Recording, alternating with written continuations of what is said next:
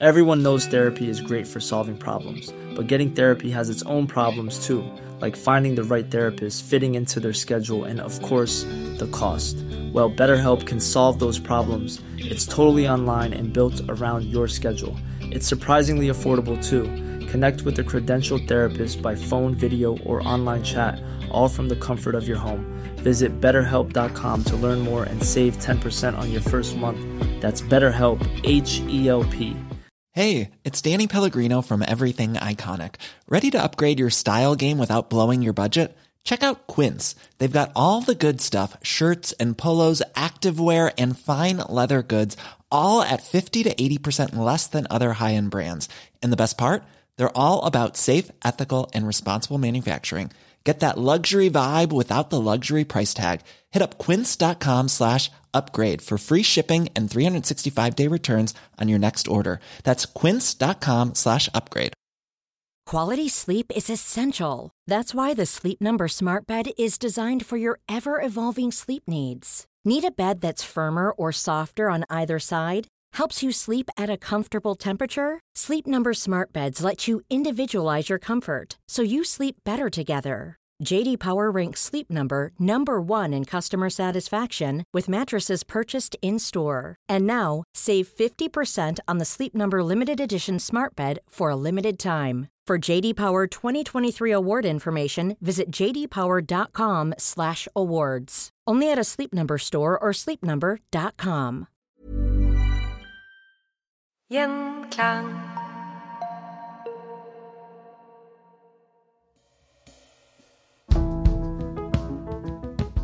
Vi avsluttet eh, forrige episode med hekser. Hvordan reagerte James på disse hekseavsløringene, eller om det var avsløringer, i hvert fall eh, rykter? Jo, altså ut fra kildene så virker det som James er litt eh, avventende og litt skeptisk til å begynne med om dette virkelig er hekser involvert. Men det er jo to prosesser som går litt samtidig. Og det starter egentlig tilbake i Danmark. Fordi det blir et etterspill i Danmark på sommeren 1590 der det blir krangling mellom admiralen, Peder Munch, som har ledet flåten, og som strandet av Flekkerøy sammen med Anna, Mm. eh, og eh, han som er på en måte sjefen for byråkratiet i Danmark-Norge, en som heter Kristoffer Valkendorf. Det var han som hadde ansvar for å gjøre alt klart til flåten. Og Peder Munch eh, var Han er admiral, erfaren, har vært ute og møtt pirater og vært eh, virkelig en, eh, en som eh, er stolt av å kunne mestre alle forhold. Han eh, peker jo på eh, sin rival Kristoffer Valkendorf eh, og sier at det, det var jo ikke alt som var klart. Altså Skipet Gideon det sprang jo lekk. Mm. Og eh, det, det, det må ha vært noe med forberedelsene her. Det, det kan ikke være min feil. Kristoffer Walkendorf eh, han blir jo litt nervøs av dette her. Og han, det er han som begynner å peke på hekser i København og i Malmö. Og sier at det må ha vært en konspirasjon. Jeg gjorde alt klart, det var ikke min feil. Eh, hvis det ikke er din feil heller, Peder Munch, eh, ok, da må det være noen andre. Og så er det jo det underlige med disse hekseprosessene, eh, at når dere først begynner å bli mistanke, og disse kvinnene blir kalt inn til forhør, Mm. eh, såkalte pinlige forhør, altså her er det jo eh, ja, kroppslig brutalitet inne i bildet også, så begynner de å, disse kvinnene å tilstå. For det er tortur. Ja, det er det jo. Det er jo trusler om eh, eh, ja, sånne ting som strekkbenker, eksempel. Um, der man kan eh, få tatt skuldrene og ledd. ja, det er vondt, altså. Og de, disse kvinnene begynner å peke på andre kvinner, um, og at det er eh, Det blir liksom Det, det begynner å framstå som en konspirasjon. Og da det jo, har det jo vært hekseprosesser tidligere på 1500-tallet i Danmark, men kanskje i mye mindre målestokk. Her er det snakk om en konspirasjon mot eh, kongen og majesteten og si, den protestantiske regimet til, eh, til Danmark-Norge. Så disse prosessene ender med at det er flere som mister livet i, eh, i København og Malmö. Eh, og dette, disse nyhetene de bringes over til Skottland. Mm. Um, og så begynner man å forhøre seg også i uh, Edinburgh og områdene rundt. Og da er det jo flere kvinner som blir tatt inn til forhør. Og noen av de tilstår jo at de har vært samlet. Uh, og at dette Hele hensikten det var at uh, Anna skulle omkomme på sjøen, og gjerne også James. og at det da var en katolsk slektning av James, en som heter Earl Bothwell, som skulle innsettes da og gjeninnføre katolisismen. Og her er det jo djevelen som står bak, da. Men det er et forhør fra da vi vi kommet inn i 1591, og da er det en av disse kvinnene, en som heter Agnes Simpson, som tilstår, og ifølge forhøret så er James til stede, og han er skeptisk til, eh, til det Agnes eh, forteller. Men da sier Agnes noe som får James til å bli overbevist om at dette virkelig er hekser som er inne i bildet. Og det er at Agnes da går bort til kongen selv, og så forteller hun, hvisker inn i øret til James, hva James har sagt til Anna på bryllupsnatten i Oslo, eh, i Mules gård i november 1589. Oh. Disse hemmelige ordene som bare var ment til Anna, de kan Agnes. Og da sies det i kilden, i forhørsprotokollen, at James blir uh, nærmest blek. Altså han uh, blir overbevist om at uh, disse har kunnskap som ingen andre, og det må være djevelen som står bak. Hvordan reagerer han og Skottland da? Det blir da flere forhør. Flere kvinner kommer inn, og det er uh, Denne Earl Boffel blir jo pekt ut som en som uh, på en måte står bak uh, alt hekseriet. Og han er katolsk? Ja, og, og, han er jo prominent. Han har jo vært i styret. Han, det var jo han som var liksom leder av Skottland mens James var i Norge og Danmark vinteren 89-90. Så han er jo en av de virkelig mektigste i Skottland. Men i første omgang så er det jo kvinnene som blir henrettet. Eh, de kalles gjerne The North Berwick Trials i, i Skottland. Og det er et slags sånn vendepunkt i hekseprosessene. Tidligere har det vært noen mindre hekseprosesser, mens her er det snakk om denne konspirasjonen mot uh, både det protestantiske Europa og mot uh, kongen. Mot majesteten. Så dette er en mye mer alvorlig sak enn mye av det andre, som, eh, andre sakene, hekssakene som, som, har vært tidligere. Og dette gjør jo at James blir veldig opptatt av det han kaller for demonologi. Eh, så noen år senere så utgir han, altså han skriver og får utgitt eh, en bok som heter Demonologien. Han skrevet på latin. Blir oversatt etter hvert til, til engelsk. Ehm, og der han går ganske systematisk fram og argumenterer for at hekser eksisterer. Det er en i England som heter Reginald Scott, som, som, er skeptisk og sier at dette er jo bare tryllekunstner. Altså, dette er bare magiske triks. Dette er eh, Det finnes ikke hekseri på den måten. Uh, mens James argumenterer for at, uh, at det er hekser som står bak, og at disse er i ledtog med med djevelen. Så James kaster seg inn i en sånn europeisk eh, debatt og diskusjon, og der eh, han tar det veldig personlig at det faktisk er eh, At det er At hekser er virkelige, og, og dette med demoner og djevelen, onde, står, står bak. Skottene, eller Skottland, var jo Hekseprosessene der var jo ganske mye hvassere enn ellers på kontinentet.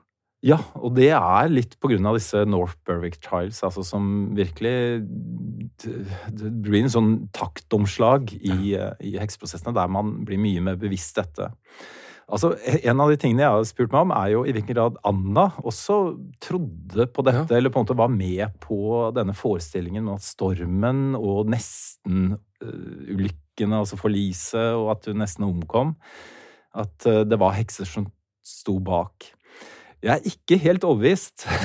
og det er to grunner. Det ene er at uh, vi har jo noen dokumenter, noen brev som hun skriver, og det er referater til hva hun gjorde i disse årene 1591-1592, når hun er sånn 15-16-17 år gammel.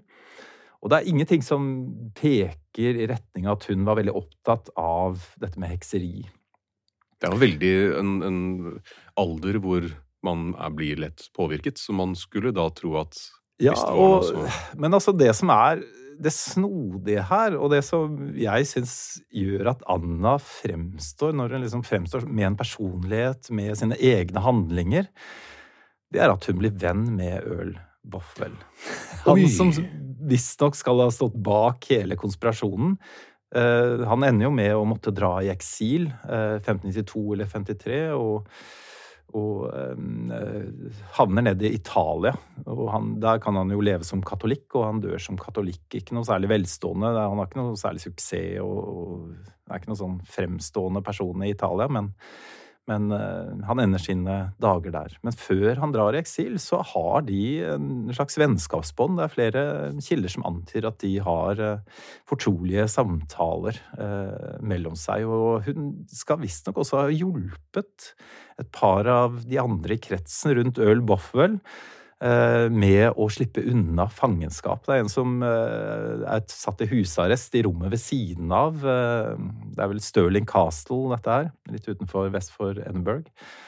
Og da sies det at eh, hun skal ha hjulpet han med å flykte ut av vinduet og fire seg ned ikke sant? med sånne lakener, sånn som man ser i. Donald, eh, nærmest. Og komme seg unna. En som heter Wemmis. Så, eh, så hun har en Det er et eller annet med at eh, hun og James ikke er helt på, eh, på bølgelengde på, i samme tankegang.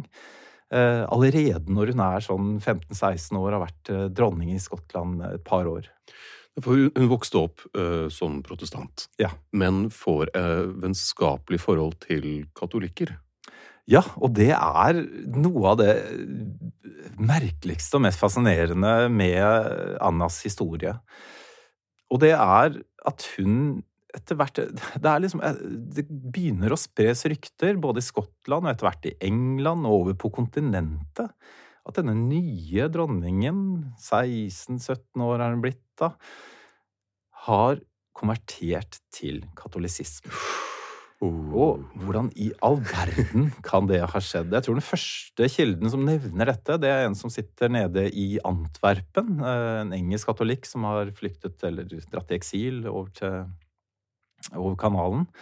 Eh, Verstegan heter han, eh, som skriver om disse ryktene. Eh, så dette må ha spredd seg ganske fort, og det må ha skjedd ganske raskt. Det vi vet, er jo at eh, sant, som ny prinsesse eller dronning, eh, når hun er 15 år gammel, så har hun jo fått et eh, slags hoff, hoffrøkner Mm. som skal passe på henne, kle henne opp, ikke sant, og lære henne skotsk språk og skikker, og, og ja, være en slags sånn støttespillere.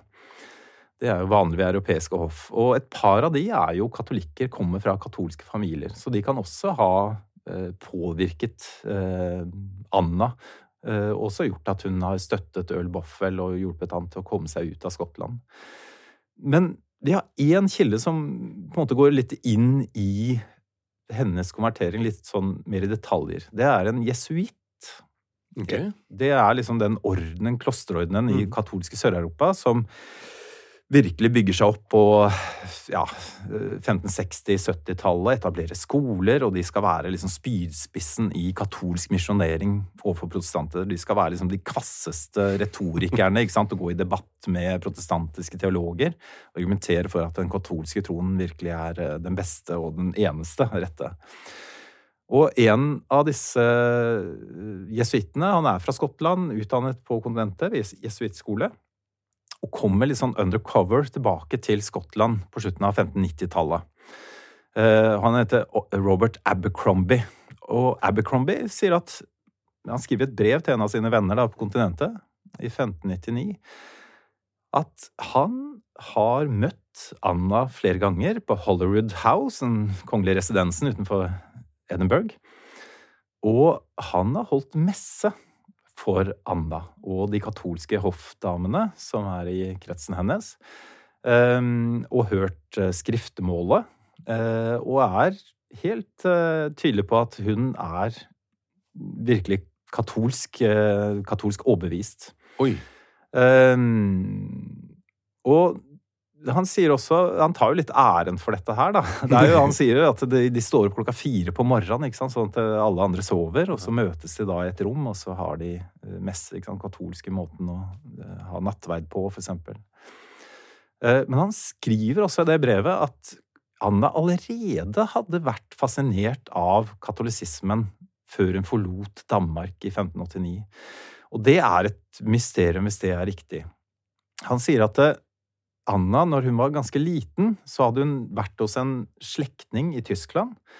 Og der hadde hun vært vitne til en katolsk messe og utdelingen av nattverden på katolsk vis. Eh, og hadde allerede da, som liten jente, eh, fått en slags fascinasjon eller blitt tiltrukket av den katolske eh, troen og måten å feire messe på.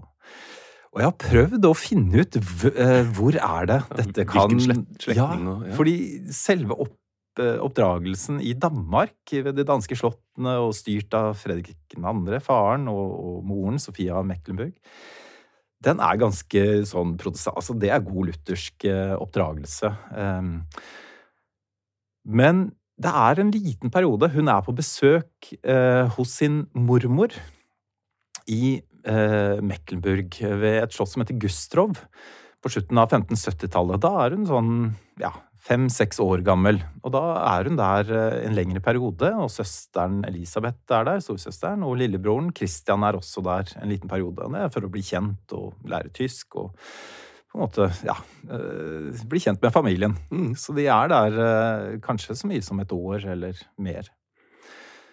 Og i Gustrov så er det mye forhandling. Det er mye sendebud. Det er mye folk som kommer fra rundt omkring i Europa, også fra katolske områder, som har en del diplomatiske forbindelser. Og det er det jeg spekulerer på, om det kan ha vært en katolsk eh, sendebud som har hatt en prest med seg, og som kan ha kanskje hatt en, eh, holdt en messe der. Og på en eller annen måte har Anna bevitnet dette. Så det er så nært jeg kommer. Eh, men det er jo Ja, det har jo vært reist tvil om Anna virkelig ble katolikk, men jeg er ikke i tvil, altså. Det, jeg har funnet brev som hun har sendt til paven selv, der hun skriver Oi. at hun er overbevist eh, katolikk. Og eh, paven er jo selvfølgelig veldig, eh, veldig glad for dette her. Og håpet til paven, eh, det er jo litt at eh, kanskje kan hun eh, ha innflytelse på mannen sin. Mm. At han kan bli katolsk, og hvis han skal bli engelsk konge, kanskje både Skottland og England, bare sånn uten noen armada inn i bildet, så ja. kan uh, begge disse kongerikene bli katolske. Alternativt at hun kan oppdra barna sine i uh, katolsk tro. Litt sånn, litt sånn i, skjul, ikke sant? Uh, og at på lengre sikt kan gjøre at England og Skottland kan, kan bli katolske igjen. Hey, I'm Ryan Reynolds. Recently, I asked Mint Mobile's legal team if big wireless companies are allowed to raise prices due to inflation. They said yes. And then when I asked if raising prices technically violates those onerous two year contracts, they said, What the f are you talking about, you insane Hollywood ass? So to recap, we're cutting the price of Mint Unlimited from $30 a month to just $15 a month. Give it a try at mintmobile.com slash switch. $45 up front for three months plus taxes and fees. Promo for new customers for limited time. Unlimited more than 40 gigabytes per month. Slows. Full terms at mintmobile.com. Quality sleep is essential. That's why the Sleep Number smart bed is designed for your ever-evolving sleep needs. Need a bed that's firmer or softer on either side? Helps you sleep at a comfortable temperature? Sleep Number smart beds let you individualize your comfort so you sleep better together. JD Power ranks Sleep Number number 1 in customer satisfaction with mattresses purchased in-store. And now, save 50% on the Sleep Number limited edition smart bed for a limited time. For JD Power 2023 award information, visit jdpower.com/awards. Only at a Sleep Number store or sleepnumber.com. Burrow's furniture is built for the way you live. From ensuring easy assembly and disassembly to honoring highly requested new colors for their award-winning seating, they always have their customers in mind. Their modular seating is made out of durable materials to last and grow with you. And with Burrow, you always get fast, free shipping. Get up to 60% off during Burrow's Memorial Day sale at burrow.com slash ACAST. That's burrow.com slash ACAST. burrow.com slash ACAST. Var dette, var dette her og Du sa at det var rykter, Mm. men dronning Elisabeth 1. og James og altså, Folk må jo ha fått panikk? Ja, altså det er det Altså, det ene mysteriet, det er jo dette med at hun faktisk blir konvertert. Um, og det andre mysteriet, det er jo hvordan hun slapp unna med det.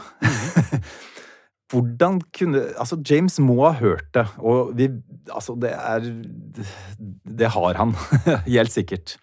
Hvordan kunne han la dette passere? Hvordan kunne han la en jesuitt komme inn i Hollywood House eh, og holde messe på morgenen?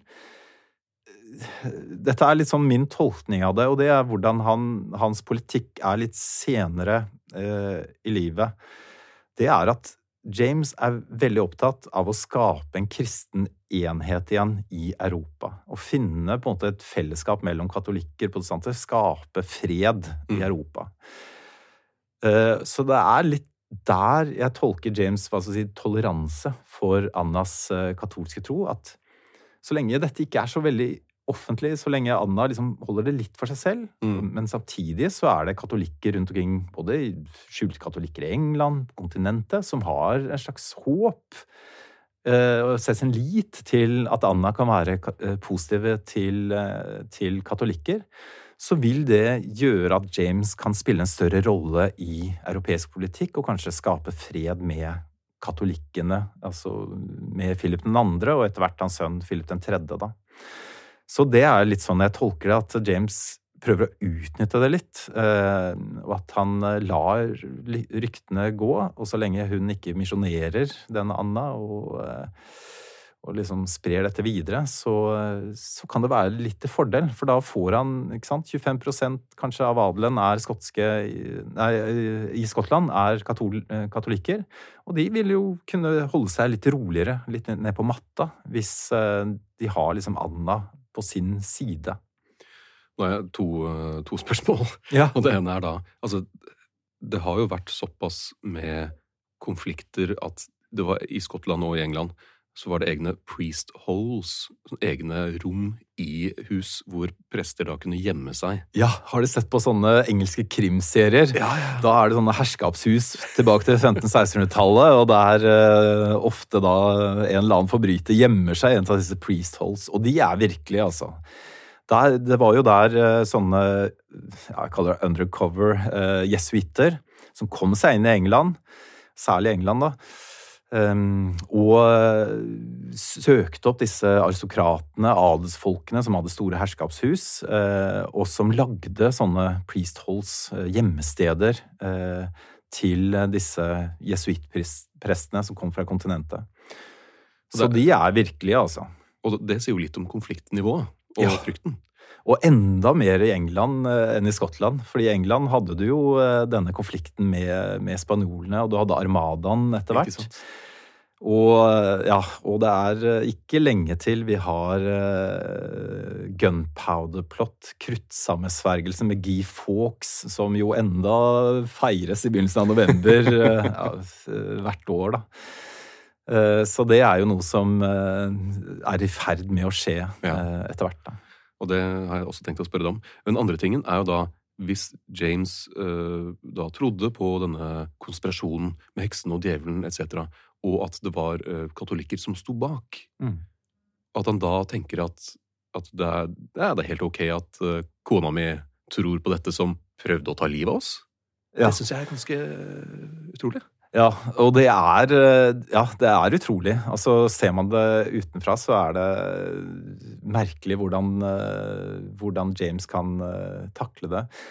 Altså, hvis jeg hadde vært psykolog, og det blir man jo fort når man er historisk og prøver liksom å trenge inn i, i, inn i motivene og tankene bak handlinger, da så er det jo et eller annet med at James har en veldig trøblete oppvekst. Moren har blitt tatt til fange allerede når James er en liten baby. Mm. Og har sittet i England, har jo nesten ikke sett moren sin. Han vet jo utmerket godt at hun er eh, katolikk. Eh, Den som hadde størst innflytelse på han eh, gjennom hele oppveksten, Esme Stewart, som var den han så virkelig opp til. Han var jo fra Frankrike og, og katolikk. Um, så det virker som om James har tross alt skilt på dette her med uh, katolikker som er uh, i sammensvergelsen, og katolikker som på en måte kan Så lenge de ikke gjør noe ut av det, uh, så kan de ha den katolske troen for seg selv. Uh, og det er jo faktisk det som skjer etter hvert når James drar til England i 1603 og Elisabeth den første er død. Så er det uh, Så er jo katolikkene, som jo gjemmer seg og er liksom katolske i skjul, de har jo store forhåpninger til han. Uh, og i de første årene så får de jo også da utøve sin, sin religion i fred, så lenge de ikke misjonerer eller gjør noe mer ut av det. Derfor, akkurat som du sa, i 1603 så er det noe som skjer. Eh, Prikk, prikk, prikk, og det er da at dronning Elisabeth den første dør. Ja. Og James han går fra å være James den fjerde til James den første. James den sjette til Unnskyld, James den sjette til James den første. Ja, og han er fremdeles eh, James den sjette av Skottland, men han blir også James den første av eh, England. Eh, Elisabeth eh, er død. Mange av de andre slektningene Du må jo liksom litt ut i slekta der for å finne mulige arvtakere. Mange av de andre er jo katolikker. De bor på kontinentet. eh, Og er liksom eh, en del av det franske, engelske, eh, inngiftede alliansene fra 1400-tallet og 1500-tallet. Så James er den mest hva skal vi si, spiselige. Selv om det virker som om mange av de som er i byråkratiet og alen, de er litt skeptiske til skotter. De, er er de liksom, de snakker rart, og de, de er litt sånn usiviliserte, mange av de. Og, ja.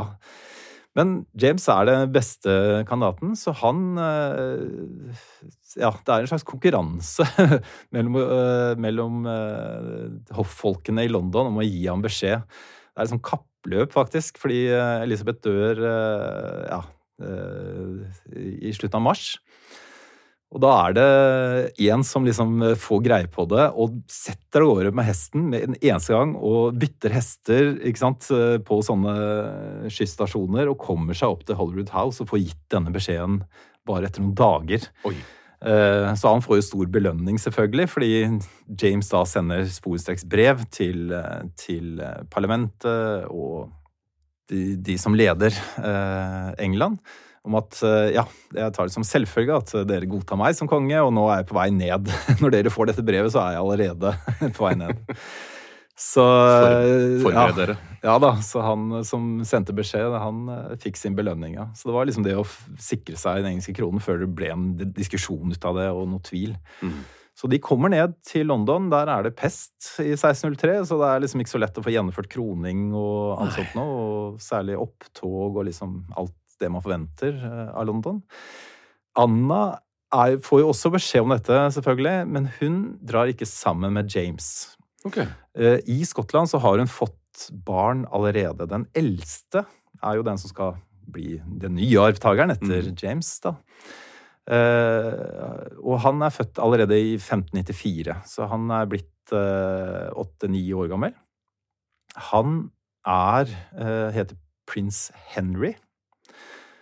Og han er ikke oppdratt hjemme hos Anna.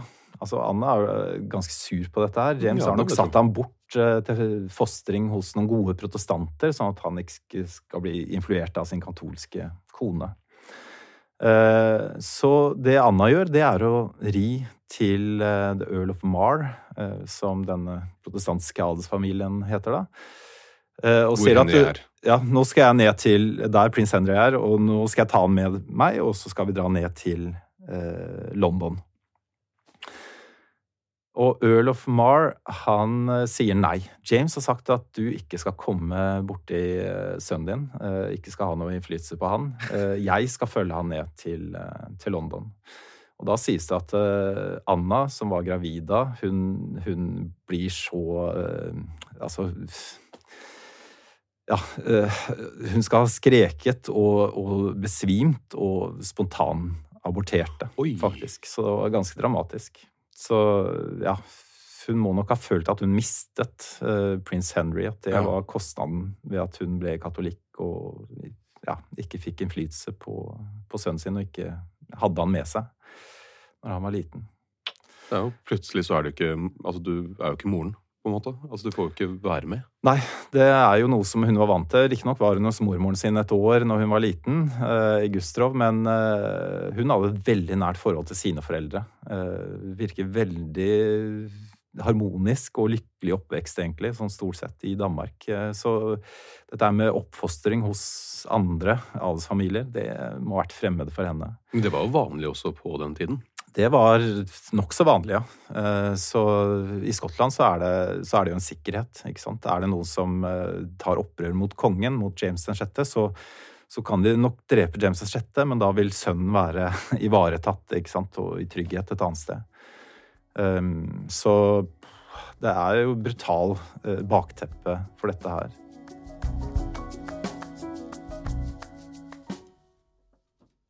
Gjenklang.